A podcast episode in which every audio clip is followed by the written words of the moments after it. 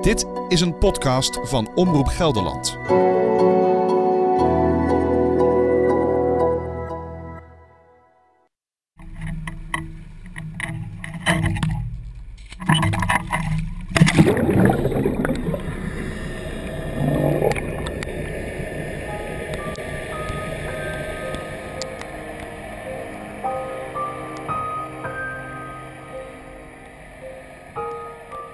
You mind if I if I call him to No, see? I would very much like that. Could you put him on speaker? Oh, sure, sure, sure. I'm here with uh, the crew who's working on the Phoenix documentary. Oh, okay. All right. Uh, and they just showed me some really interesting footage that they got with Steve earlier this week. Wow. Yeah, and it looks like it's the only thing around. So I didn't know if you're interested or available uh, to suit up with me and see if we can go and, and check it out.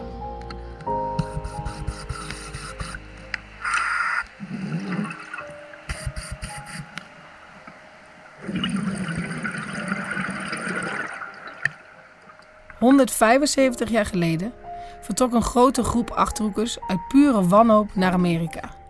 In de hoop op een beter leven. Tijdens de laatste kilometers van de reis vloog hun schip in brand en verging in het ijskoude water van Lake Michigan. Hoe kon dit gebeuren? Wie waren die mensen op het schip en waarom wilden ze weg? Deze vragen spoken al twee jaar door mijn hoofd en laten me maar niet los. Je luistert naar de ramp met de Phoenix, aflevering 1, de vergeten Titanic van de Achterhoek. Mijn naam is Joske Meerdink en ik maak deze podcast voor Omroep Gelderland.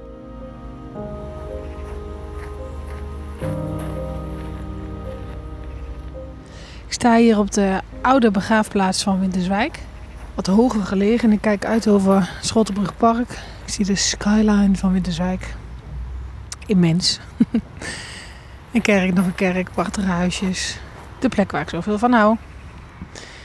En ik ben stiekem al om me heen aan het kijken of Henk aankomt. hey, op de fiets op de begraafplaats, dat kan toch niet? Eigenlijk kan dat niet, hè? Nee, maar ja, het is een openbaar be- begraafplaats. Je kunt hier zo over even iets... eh, Zullen we er even naartoe lopen anders, eh, Henk? Je hoort Henk te kulven. En hij zorgde er met anderen voor dat de Phoenix-ramp een monument kreeg in Winterswijk. En hij weet ontzettend veel over migratie.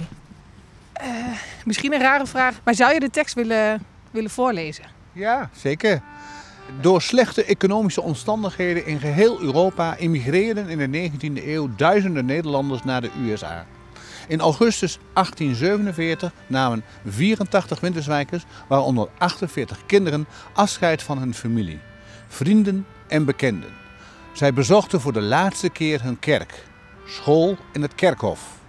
Na een reis van 7600 kilometer vol ontberingen hadden zij hun einddoel, de haven van Sheboygan, bijna bereikt. Nog 6 kilometer. De Phoenix lag voor de haven, in afwachting van rustig weer om te kunnen aanleggen. Plotseling, waarschijnlijk door de explosie van een stoomketel, vloog het schip in brand en verging. Er kwamen 154 immigranten om in het vuur en het ijskoude water van het Michiganmeer.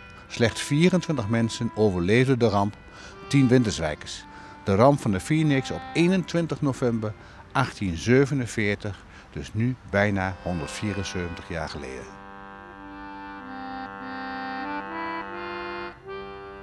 Later ga je Henk nog veel vaker horen. Maar nu eerst even terug naar het moment waarop het verhaal van de Phoenix op mijn pad kwam. Letterlijk. Terug naar december 2020.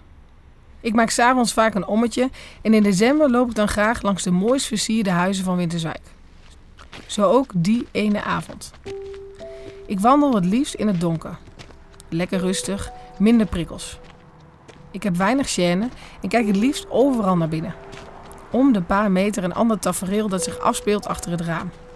Het lijken net schilderijtjes met het raamkozijn als omlijsting en de straat als mijn museum. Het museum van de nacht. Net na het Schotelbrugpark kijk ik naar rechts en ik loop langs de oude begraafplaats van Winterswijk.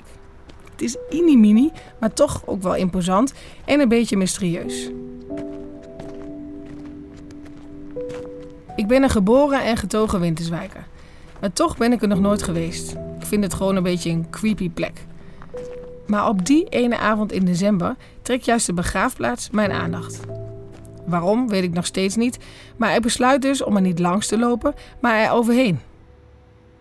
En als ik dat niet had gedaan, dan hadden de afgelopen twee jaar er zo anders uitgezien. Ik stap de begraafplaats op en na een paar stappen trekt iets mijn aandacht. Twee dikke houten palen met een gekleurde plaat ertussen, met een beeltenis van een schip in vuur en vlam. De ramp met de Phoenix, 21 november 1847. In mijn hoofd alleen maar vraagtekens. Ik zit wat stappen dichterbij en begin het verhaal te lezen. Het verhaal dat Henkje net vertelde. Ik zie de woorden, ik lees de tekst op het bord, maar ondertussen schiet er eigenlijk maar één vraag door mijn hoofd. Waarom weet ik dit niet? Wat een megaramp. En mijn tweede gedachte was. De Titanic! En als je denkt aan een scheepsramp, dan denk je aan de Titanic. Althans, ik wel. De hand op het beslagen raam, de scène op de romp van het schip en dan natuurlijk die eindscène met Rose die op een wrakstuk dobbert in de oceaan en Jack die bibberend belooft om haar niet los te laten en dat uiteindelijk dan wel doet. Die scènes zijn in mijn hersenen gebeiteld. De naam Phoenix doet trouwens ook wel gelijk een belletje rinkelen. Ik weet zoveel als een vuurvogel uit de Griekse mythologie die uit zijn eigen as herrijst. Extra cru omdat het schip in vlammen is opgegaan en niet bepaald herrezen is. Ik loop om het bord en zie dat er op de achterkant namen staan. Allemaal bekende Winterswijkse achternamen. En denk gelijk, zou er dan familie van mij op dit schip gezeten hebben? Die kerstversiering kan me ineens weinig meer schelen en ik besluit linea recta naar huis te lopen. Eenmaal thuis klap ik gelijk de laptop open en in de uren die volgen probeer ik alles wat ik kan vinden op het internet over de Phoenix te bundelen en te lezen. Ik vind een oude docu die Sascha Barreau voor Omroep Gelderland in 1997 heeft gemaakt. Tijdens die docu was de Phoenix-ramp 150 jaar geleden. Een groep achterhoekers wordt gevolgd die voor een herdenking naar Amerika gingen.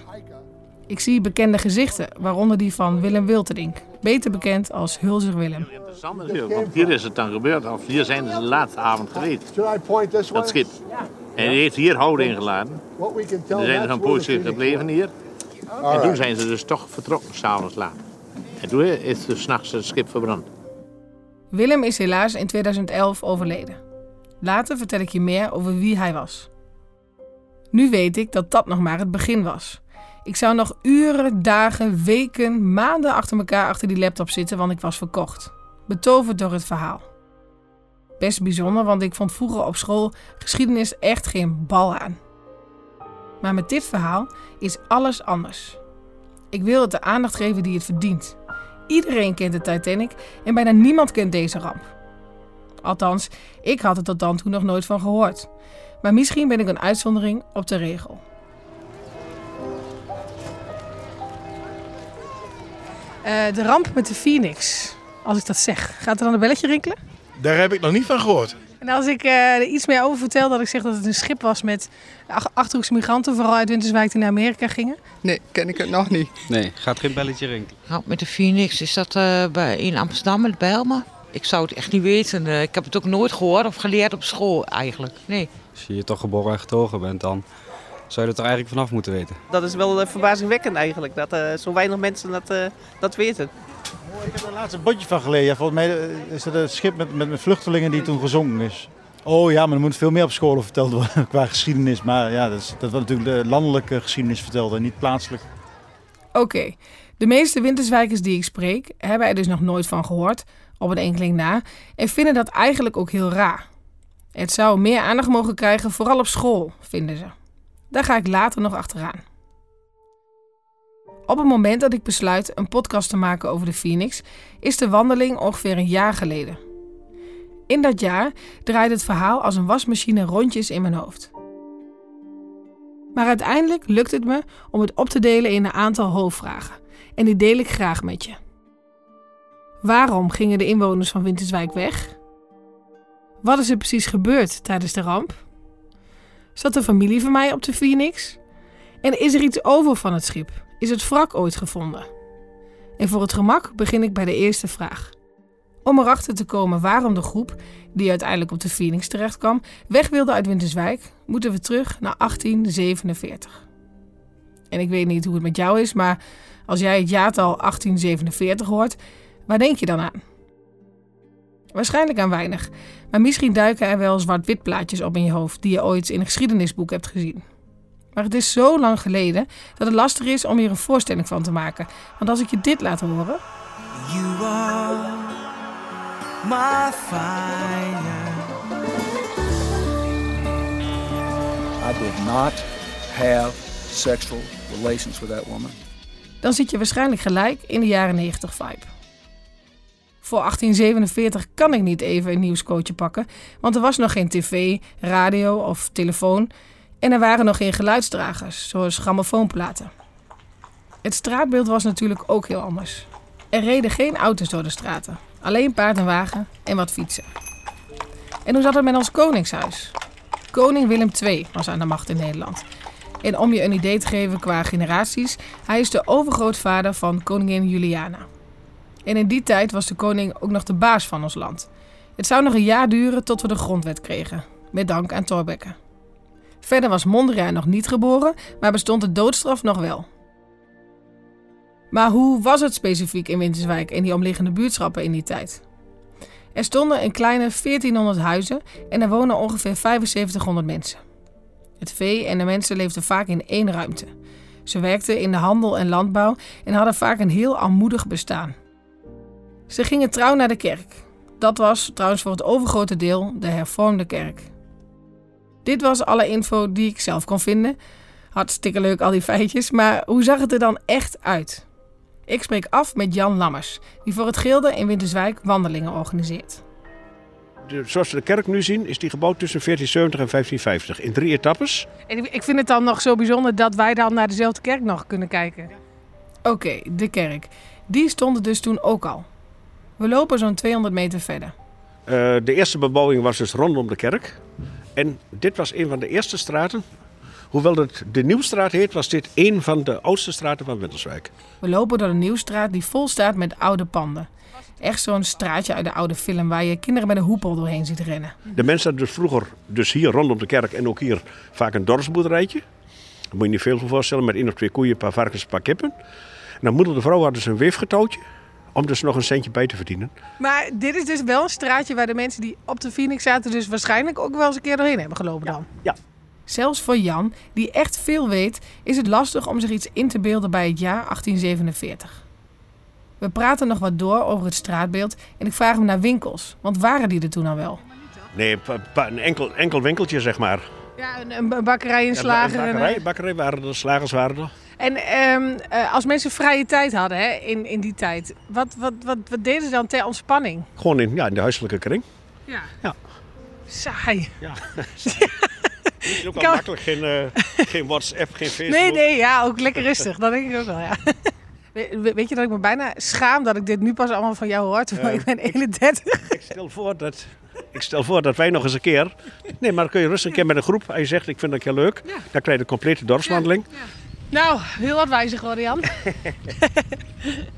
Als je op vakantie bent, leer je soms nog meer over een bepaalde stad dan dat je weet over je eigen woonplaats. Zo voel ik me een beetje naar de rondleiding van Jan. Nu ik beter weet in welke tijd ik het verhaal van de Phoenix moet plaatsen, spreek ik af met Henk, die je eerder al eventjes hoorde. Ik vraag hem waarom het monument eigenlijk op deze plek staat. En hij legt uit dat als de emigranten gebleven waren, dat ze hoogstwaarschijnlijk op deze begraafplaats zouden zijn begraven.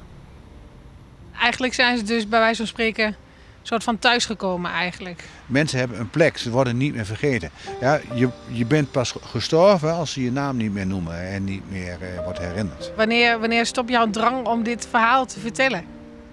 Dat zal nooit stoppen. Het zal nooit stoppen. Het is wel duidelijk dat Henk gedreven is. Door de jaren heen kreeg hij steeds meer interesse en borrelden er vragen bij hem op.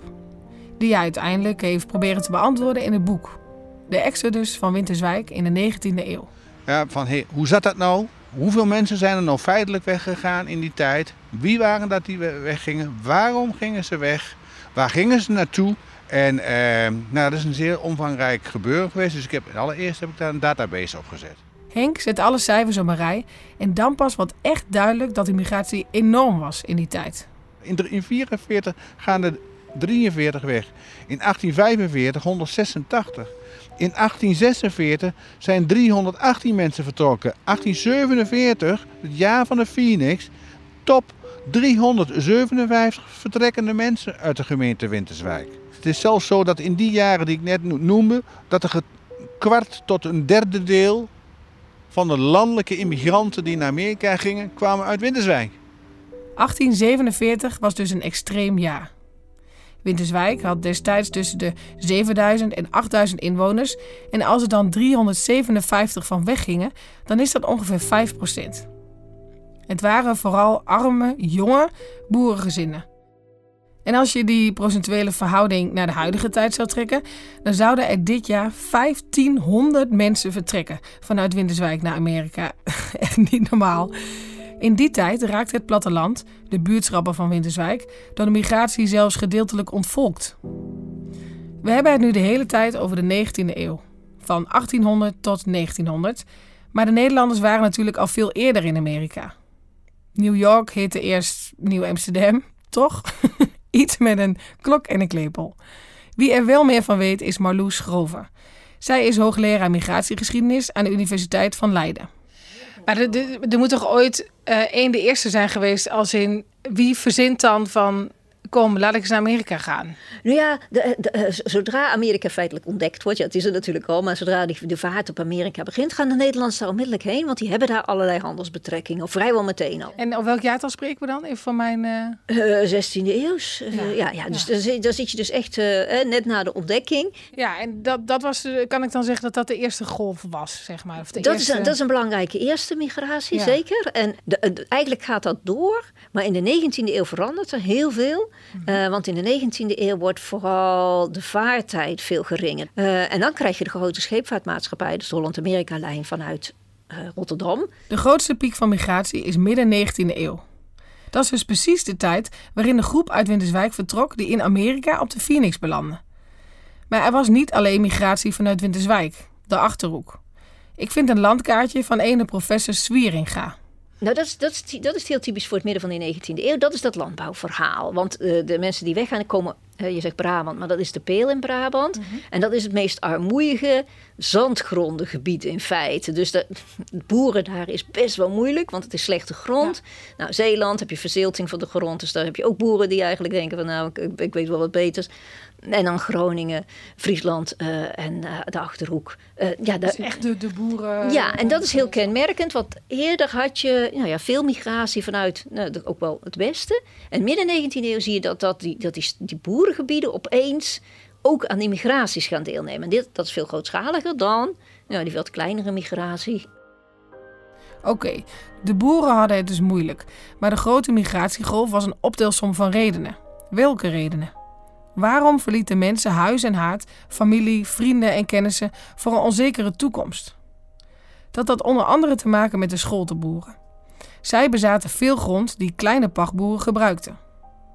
Daar moesten ze dan wel wat voor terugdoen. Bijvoorbeeld meehelpen met de oogst van de scholtenboeren op het land dat ze zelf in gebruik hadden. Met als gevolg dat de eigen oogst van de pachtboer soms verloren ging. Die pachtboeren bezaten dus geen of weinig eigen grond en ze hadden dan dus ook niks om te verdelen over hun kinderen. Veel toekomstperspectief was er dus niet door dat scholdensysteem. En anderzijds, de bevolking nam toe, dus de druk op de grond werd groter. Er moesten magen worden gevuld. Er kwamen eh, nou ja, de bekende hongersnoden overheen. Nou, er zijn een aantal misoogsten geweest, ook van roggen en dergelijke. Uh, er zijn een aantal vosnachten geweest. Ja, die misoogsten kwamen gedeeltelijk door strenge vorst, hagelbuien, maar ook door de aardappelziekte. Daar heb je misschien wel eens van gehoord. Diezelfde ziekte zorgde in Ierland in dezelfde tijd voor een grote hongersnood, de Great Famine. Ook vanuit daar zijn er destijds ontzettend veel mensen naar Amerika geëmigreerd. Bij warm en zwoel weer begonnen de bladeren aan de aardappelplant bruin en zwart te worden en te stinken. De aardappels die eraan zaten werden slijmerig en begonnen te rotten.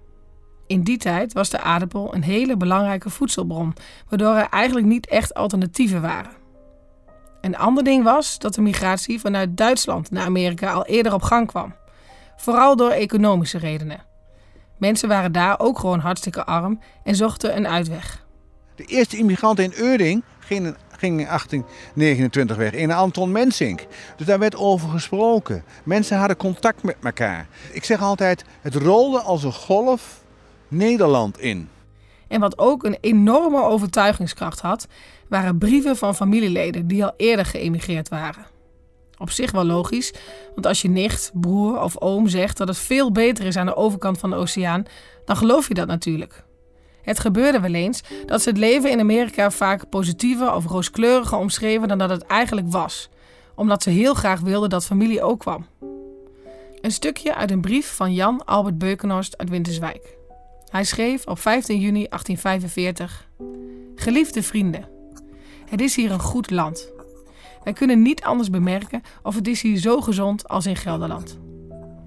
Ook is het hier het beste van geheel Amerika. Heide of bergen vindt men hier niet in deze gemeente. Wij hebben 15 akkers met koren en boekwijd. En een werkman kan hier meer als bij u verdienen in het land. Het viel mij hard toen ik Winterswijk moest verlaten, maar ik wens er nooit meer te zijn. De geringen zijn hier zoveel als de rijken. Hij bedoelt hier dus dat iedereen gelijk aan elkaar was. Men behoeft voor niemand den hoed af te nemen. Geliefde vrienden, die kan, komen toch hier, opdat gij op uw verdere dagen een goed leven moogt hebben. Op het schip behoeft gij geen vrees te hebben.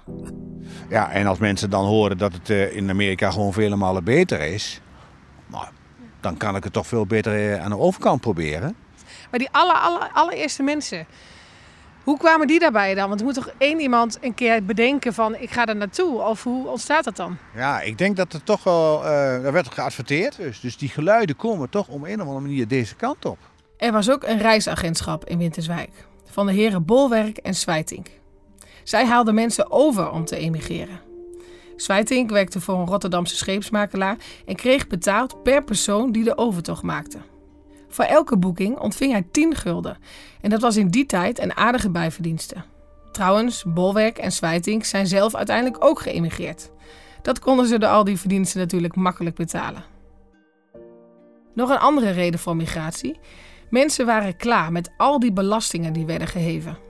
De prijzen van levensmiddelen zoals brood, vlees, maar ook bier of wijn gingen drastisch omhoog. En wie gaat er nu bijvoorbeeld belasting heffen op het aantal schoorstenen of op het aantal en de grootte van de ramen?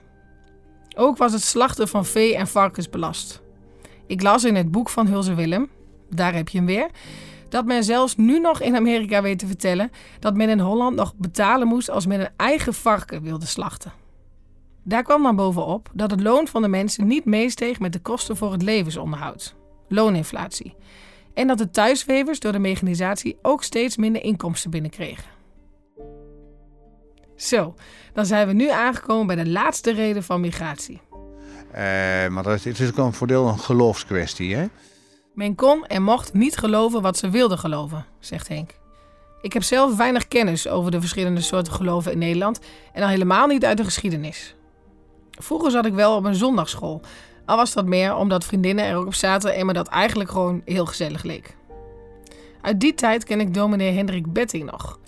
Ik was best een beetje fan van hem, want hij kon ingewikkelde bijbelse verhalen simpel uitleggen doordat hij een vertaalslag maakte naar onze tijd. Jezus werd Pietje en die maakte van alles mee. Hey, wat fijn dat ik u uh, op zo'n korte termijn uh, mocht bellen. Ja, hoe ben je eigenlijk erachter gekomen waar ik uh, tegenwoordig zit? Even googlen en dat was zo gevonden. Dominee Betting vertelt mij dat in die tijd de meeste mensen lid waren van de hervormde kerk. En die kerk werd steeds vrijzinniger. En het werd echt een beetje meer zo van God kun je, wat natuurlijk tegenwoordig ook veel gezegd wordt, kun je ook in de natuur vinden. En uh, dat, dat, dat was een beetje de wind die in de hervormde kerk waait op heel veel plekken. In diezelfde hervormde kerk hadden de scholtenboeren een grote vinger in de pap. Dus door de week zat je al te maken met een grillen tijdens het boeren en dan zondag in de kerk ook nog weer. Er was dus grote onvrede onder de vooral minder bedeelde mensen. En uit die onvrede ontstond er dus een andere geloofstroming. In 1834, eh, toen dominee de Kok in Ulrum in Groningen eh, het oneens werd met, met de beheersende Neder-Duits gereformeerde kerk.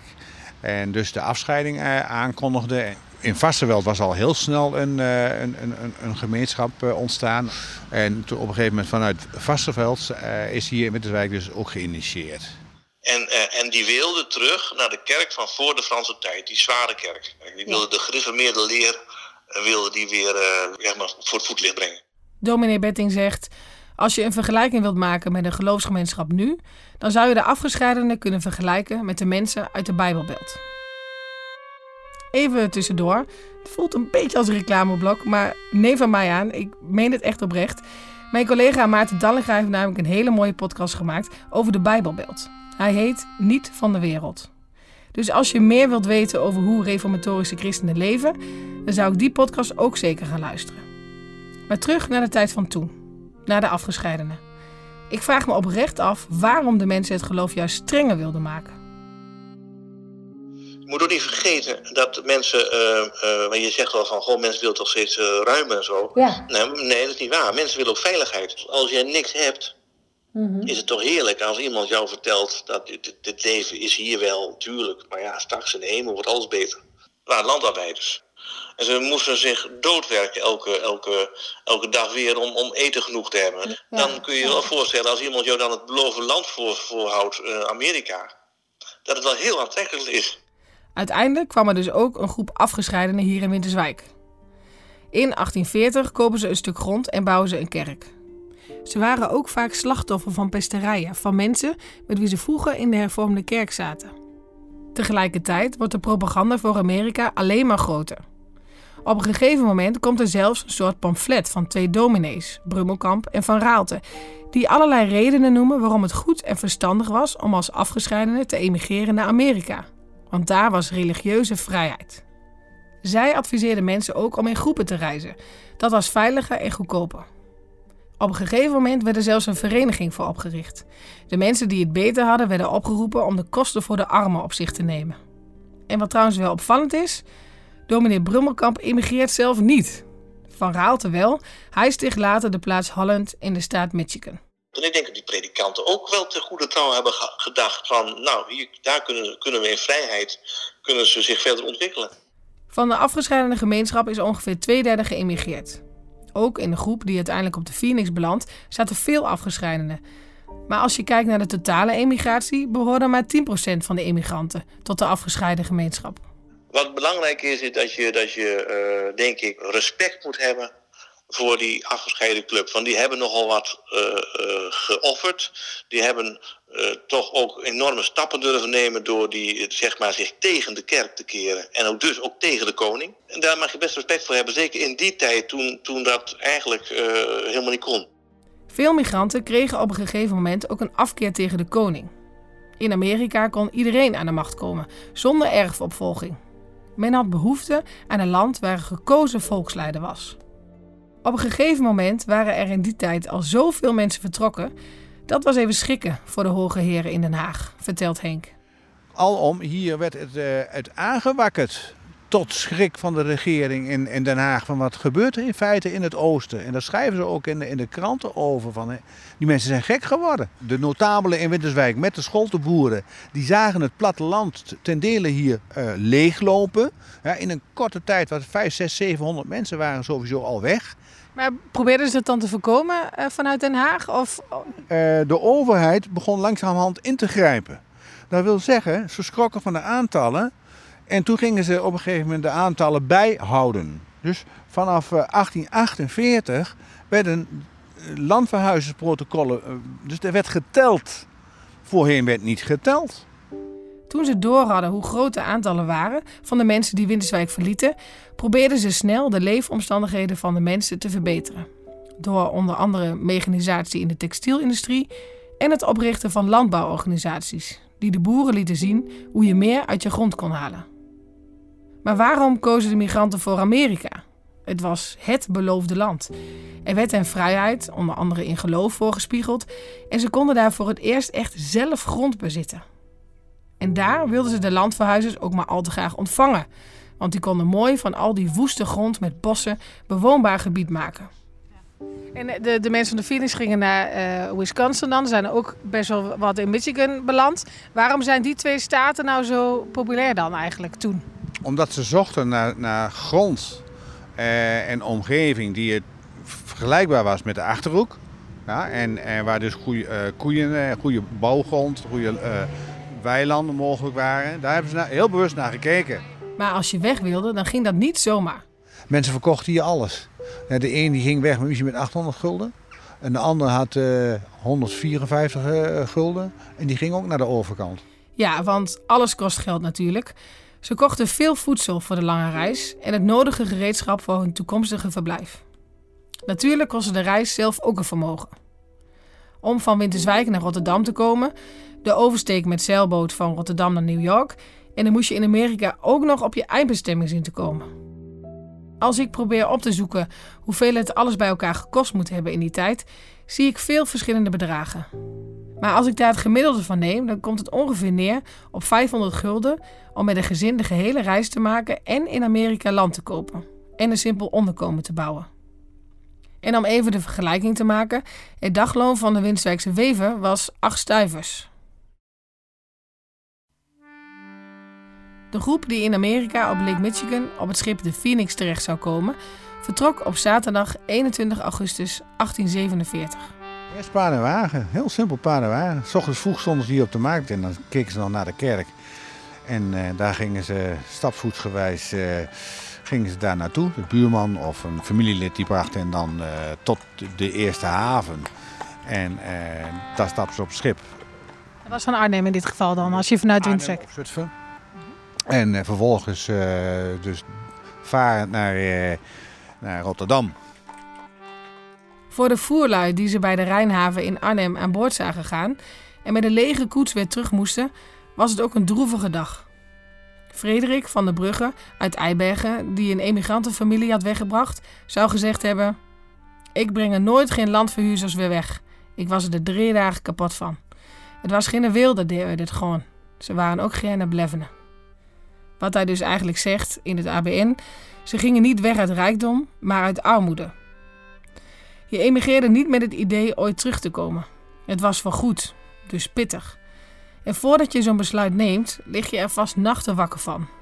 Althans, dat kan ik me zo voorstellen. Malen van wat is de beste tijd om weg te gaan? Wat moeten we meenemen? Wat hebben we nodig voor onderweg? En dromen. Dromen over een betere toekomst. Vooral voor de kinderen. Mensen reisden nauwelijks in die tijd en waren vaak nog niet verder dan het buurtdorp geweest. Ze hadden vaak nog nooit een andere taal gehoord, geen indrukken van buitenaf, alleen een brief van een familielid die daar al zat. Daar moesten ze op vertrouwen. Het reisgezelschap van de Phoenix bestond trouwens niet uitsluitend uit Winterswijkers. Er zaten ook mensen op uit onder andere Aalten, Dingsbelo, Wierde en Apeldoorn. De ramp met de Phoenix gebeurde op Lake Michigan. Dat kwam later.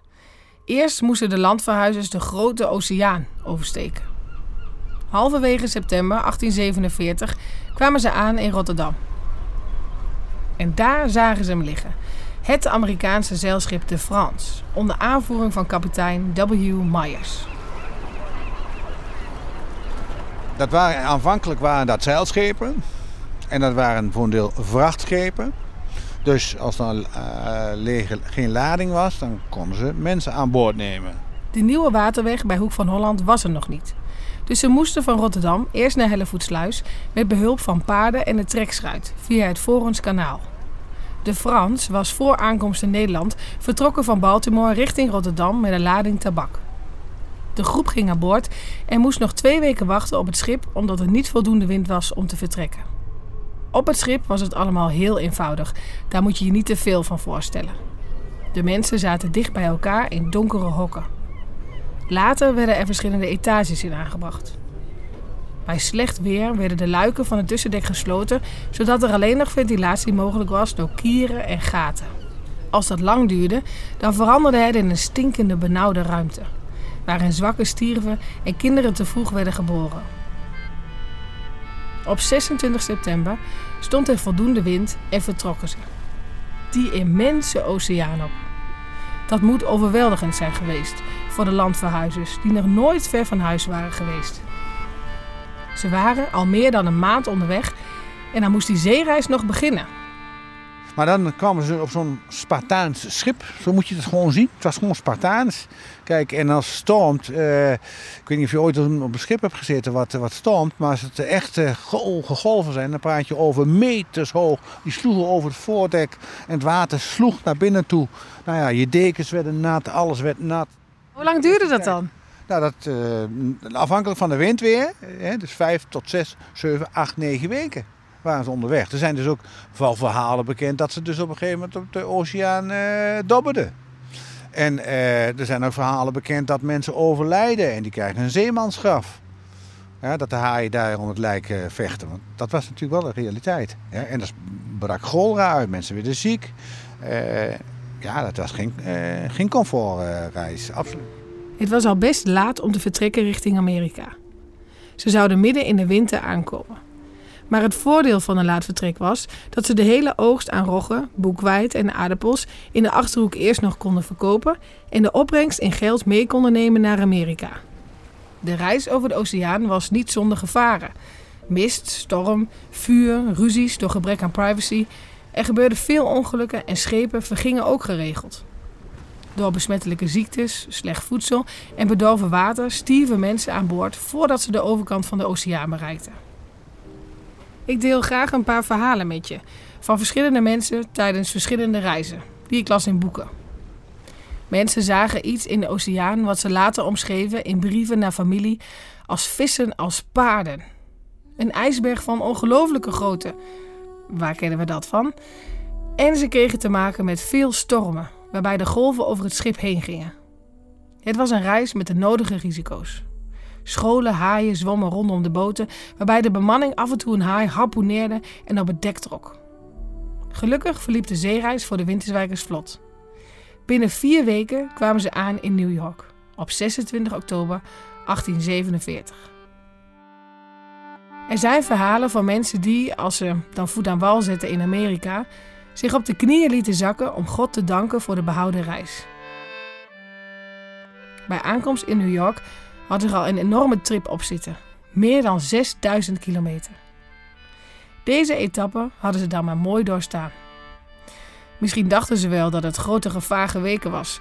Dat zou ik namelijk zelf wel denken, dat die reis over de oceaan het gevaarlijkste was. Maar er stond de groep helaas nog heel veel onheil te wachten. Maar dat wisten ze toen natuurlijk nog niet. Later gaat de reis van de Winterswijkers verder. Ze gaan dan vanaf New York richting Wisconsin en belanden op het stoomschip Phoenix, waar het noodlot op hen wacht. Omdat ik heel graag wil weten of een familie van mij op het schip zat, zal ik stamboomonderzoek moeten gaan doen. In de oude docu van de omroep zie ik een interview met een vrouw, een Mary Reseau. En zij is heel belangrijk geweest in het stamboomonderzoek van de slachtoffers en de overlevenden. Hier hoor je haar op de herdenking van de Phoenix-ramp in 1997. I've been waiting for many years to meet many of the people that are here tonight. And many of these people will meet their cousins and family for the first time. Uh, and I think that's equally important as the commemoration of the sinking of the Phoenix. De docu is inmiddels 25 jaar geleden, dus eigenlijk heb ik geen idee hoe ik met Mary in contact kom. Ik pols even bij Henk. Hele stomme vraag, maar, maar is zij er nog? Leeft zij nog? Ja, ja, ze is nog zeker, zeker actief. En eh, zij doet nog, eh, nog onderzoek. Ja, daar hebben we ook al contact mee. En die is eh, nog enig eh, anderhalf jaar geleden, net voor corona, nog hier geweest. Oké, mooi. Misschien zoek ik later nog contact met Mary om te vragen of ze me wil helpen bij het stamboomonderzoek. Maar Henk heeft nog een nieuwtje. Mary wil met een groep Amerikanen met Nederlandse roots Winterswijk bezoeken. Als onderdeel van een tour door Nederland. Afhankelijk nu hoe corona gaat verlopen. Maar ze willen nog met een groep deze kant op komen. Echt? Wanneer dan? Ja, er staat nu gepland een reis eh, in, in, in mei. En dan gaan ze heel Nederland bezoeken hoor. Dus ze komen geloof ik maar één dag naar Winterswijk. Dat gaat op... Oh, ja, daar ben ik wel heel nieuwsgierig naar dan. Nee, je bent vader welkom. Mag- Het bezoekje van de Amerikanen zet me aan het denken. Kan ik mijn onderzoek, zeg maar, of mijn, mijn zoektocht vanuit hier doen of moet ik naar Amerika? Het allermooiste is gewoon dat je naar Amerika toe gaat. En dat je tussen de mensen staat die hun oorsprong hier in Winterswijk eh, hebben. En dat je daar je verhaal kunt doen. Om die mensen in de ogen te kijken.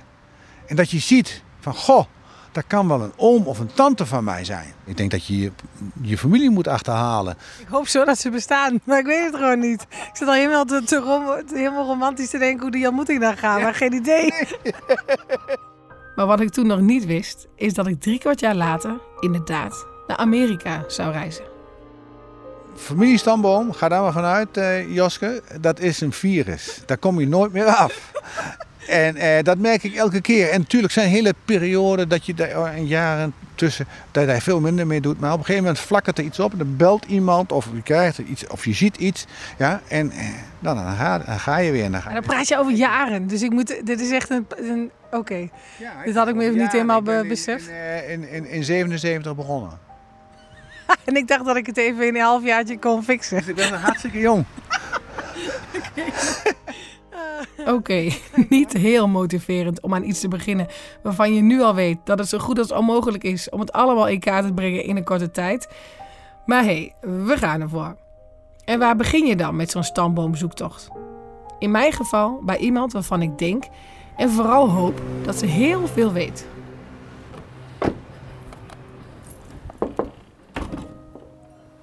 Hey, oma.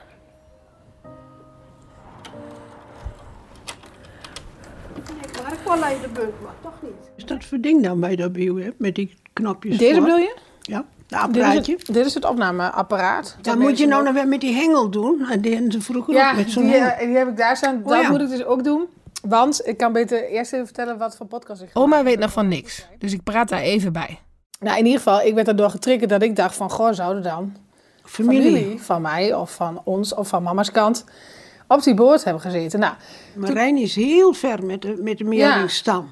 Tante Reini. Tante Reini. En die, die kan misschien ook wel vertellen of er wat geweest bent die, ehm die daarbij geweest bent, bijvoorbeeld. Ja. Of dat nog in de boeken staat. Die heten natuurlijk ook allemaal anders. Want wat ik zeg, ik Ja. weet van jou droppers, maar hoe heet ze daarboven dan? Onk. Onk? Onk. Onthoud die naam maar. Want die zul je nog veel vaker horen tijdens dit avontuur. En oma, die zit trouwens vol met spreuken die zo op het tegeltje zouden kunnen. Waar elk uit bestaat, hoe geen, dat zijn allemaal hele kleine stukjes van heel veel mensen. Ja. Denk ik dan, soms bij mezelf eens. Ja, maar daarom vind ik het ook zo interessant. Oma komt ineens met een mooie anekdote over een familielid dat geëmigreerd is. Er was een familietrouw en toen kwam er een keer er kwam er zo'n klein manneke en liep op een zondagmiddag hem toes.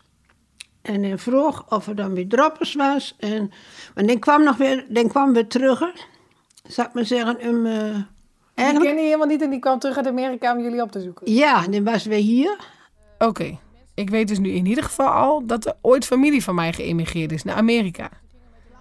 Oma en ik praten verder over de ramp en proberen ons voor te stellen hoe het geweest moet zijn als je op een brandend schip staat en je kunt geen kant op. dat bracht ook wel de vraag in mij naar boven dat ik dacht van, hoe zou ik dan zijn met zo'n ramp? Wat voor type ben je dan? Hè? Ga je iemand helpen? Als je een doodsnood bent, hè. Ik denk dat jij iedereen gaat helpen. Oh god, kindschijus. ik kan gar niet zwemmen. Ah, je kan wel zwemmen? Nee. Niet? Ik heb nooit geen zwemles gehad. Dat was er toen dan niet toen ik naar school ging. Maar wij zitten toch al met jou weer zwemmen een keer? Ja, ik kan een beetje, eh, een beetje met armen en benen bewegen, maar ik kan nog niet van hier tot, tot bij de Lidl zwemmen. Ik ben een keer de IJsselover gezwommen. En wij met de meisjes. En zo belanden we van het ene verhaal in het andere. Dat gaat altijd zo als ik bij oma ben. Heerlijk. Maar Reini dus. Tante Reini. Daar moet ik zijn om te starten met mijn stamboom. Ik besluit daar te bellen. Onderdeel van dat verhaal is dat ik heel graag wil weten of er voorouders van mij eh, naar Amerika zijn ehm, geïmmigreerd en of ze iets met dat schip hadden. Of ze op dat schip zaten of... Ja, dat klopt. We hebben nog een aantal eh, familieleden, maar dat is wel heel ver weg. het is niet in de directe lijn. Maar er zijn er wel een paar die ook eh, op dat schip hebben gezien. Op de Phoenix? Ja. Echt? Daar kan ik je wel, eh, wel alvast veel van uitdraaien, laat ik zo zeggen. Ja. Oh. Nou, super Reini. Dank in ieder geval. En we zien elkaar zondag dan. Oké. Oké, groetjes. Joe.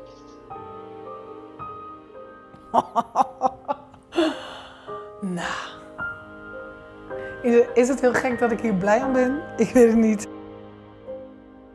In de tweede aflevering stort ik me helemaal op het stamboomonderzoek. Met de vraag: ben ik familie van mensen die op de Phoenix zaten? Wie dan? Hoeveel dan? Ik krijg hulp van mijn tante. Kijk, dan krijg je de hele zooi. nou, en dan kun je, dat is wel handig, bijvoorbeeld als je die zoekt, dan kun je daarop klikken. En dan krijg je haar bovenaan. Van de studie. Je bent gewoon je bent professor stamboom. Ja, dag. Echt niet. Maar... En maar klikken en zoeken en vergelijken. Maar niet zonder resultaat. Oh, toch wel, van onze lijn. Oh nee. En blijkt dat ik het allemaal totaal heb onderschat. Ik dacht dat het heel makkelijk was, maar dat is dus niet. Laat je niet ontmoedigen. Laat vooral niet tegen je zeggen van... je bent nog te jong om dat te doen. Je bent nergens te oud voor, maar ook nergens te jong voor. Ook zoek ik contact met de andere kant van de oceaan. En dat zal niet voor de laatste keer zijn. I just think it's fun when I discover new people. I was very excited that someone new and someone your age is interested in, in keeping this story alive. Dit en meer in de tweede aflevering. Je luisterde naar aflevering 1 van De Ramp met de Phoenix. Een podcast van Omroep Gelderland.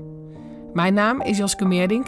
De redactie, het schrijven van het script, de uitvoering en de montage waren van mijn rekening. De eindmix is gemaakt door Gedo van der Zee. Coaching en eindredactie door Maarten Dallinga. Heel veel dank aan Dini van Hoften, Lieke Meerdink en vele anderen voor het meedenken. En jij, bedankt voor het luisteren. En vergeet je niet te abonneren. Dan krijg je een seintje als de volgende aflevering online staat.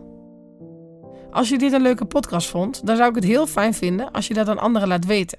Nog leuker is het als je een recensie achterlaat bij Apple Podcast of Spotify. Dat helpt andere mensen deze podcast ook te vinden. Ben je gegrepen door het verhaal, dan is het zeker ook de moeite waard om te kijken naar de gelijknamige documentaire. Je kunt het vinden door te kijken op gld.nl/slash Phoenix. Heb je tips, vragen of andere suggesties? Mailen kan naar phoenix.gld.nl.